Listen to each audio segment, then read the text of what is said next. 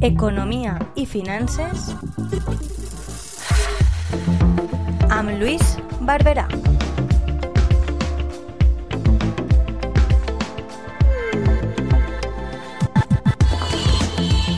Buenos días, estimados escuchantes de la Tegua Radio.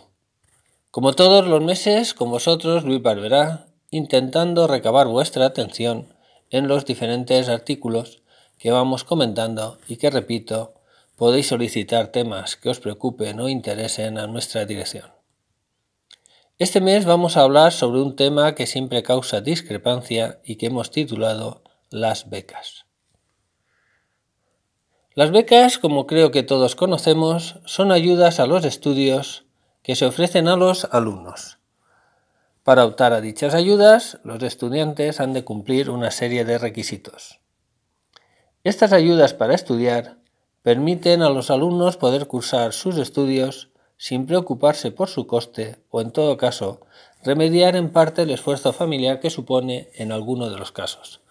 Pues becas hay y por muchos conceptos. Existen becas como las de matrícula, que ayudan al pago total o parcial de la matrícula, las de desplazamiento, que cubren total o parcialmente el desplazamiento diario desde su lugar de residencia al centro, las becas de carácter general, cuya cuantía puede ser fija o variable dependiendo de la situación personal y que normalmente demandan los estudiantes con renta familiar baja, las básicas, también de importe fijo o variable, centradas en las rentas bajas, las de residencia, para los que tienen que ir a vivir a otra ciudad para poder seguir sus estudios, las becas para estudios concretos, como pudieran ser como ejemplo las solicitadas para estudios de posgrado en el ámbito científico, las becas para programas de investigación dirigidas a personas que desean cursar estudios superiores de investigación, las de movilidad, que son las que reciben los estudiantes que deciden participar en programas nacionales e internacionales como el conocidísimo Erasmus, y muchas otras como las existentes para realizar prácticas e incluso las conocidas como eh, becas de material, las de comedor o las deportivas. Las becas suponen al conjunto del Estado un montante demoledor. Hay becas locales de cada comunidad autónoma, nacionales, supranacionales y privadas. Nadie es capaz hoy en día de cuantificar la cantidad exacta de todas ellas, pero lo que sí está claro es que todos los años nos encontramos con la misma cantinela sobre las becas, que si van a subir 100 euros, que si van a bajar, que nadie nos garantiza que el año que viene existan, que si tal y que si cual. Señoras y señores, un país, le pese a quien le pese, necesita de las becas para desarrollarse. Nadie debe dejar sus estudios por razones socioeconómicas. Imagínense una beca de investigación para finiquitar unos estudios muy avanzados para curar una enfermedad determinada que cualquiera podemos padecer, que se pare por falta de dicha ayuda. Entiendo que pueda resultar un ejemplo algo burdo, pero no me negarán que es explícito. En esta última crisis, que algunos consideran pasada, los primeros presupuestos que se redujeron fueron la sanidad y la educación. No se redujeron los coches oficiales, por ejemplo, ni ningún otro gasto superfluo que pueden ustedes cuantificar si escuchan el artículo de esta sección del mes de septiembre de 2018 titulado Gasto Público. No. Fueron la sanidad y la educación. El Ministerio de Educación tiene dotado en el ejercicio una cantidad cercana a los 1.500 millones de euros para las diferentes becas que concede. Diferentes gobiernos han reclamado el importe concedido a casi 150.000 estudiantes en los últimos años, recaudando casi 200 millones de euros.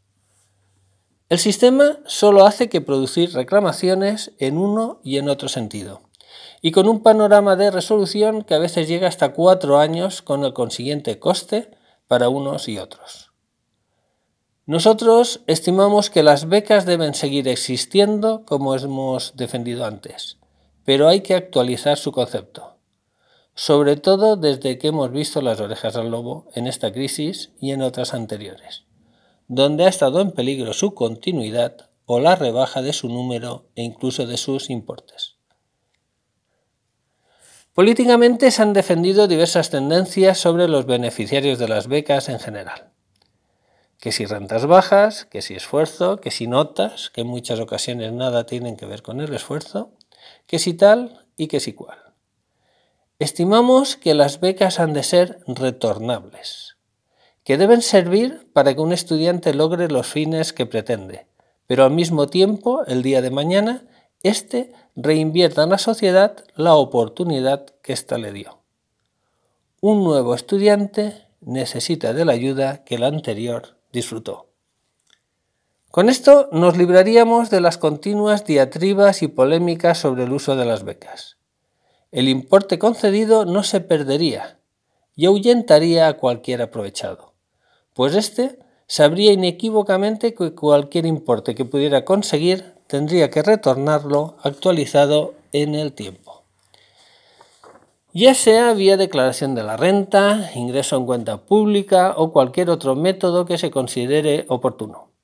Aquel que tuvo la oportunidad de llegar donde ha llegado gracias al esfuerzo conjunto de la sociedad, tendrá la obligación de revertir en la misma sociedad lo que ésta le dio, para que así otros tengan sus mismas oportunidades no peligraría el sistema de becas o por lo menos lo minimizaría, ya que continuamente se irían reinvirtiendo fondos a los organismos públicos y estos organismos dispondrían de liquidez para atender las nuevas demandas de becas.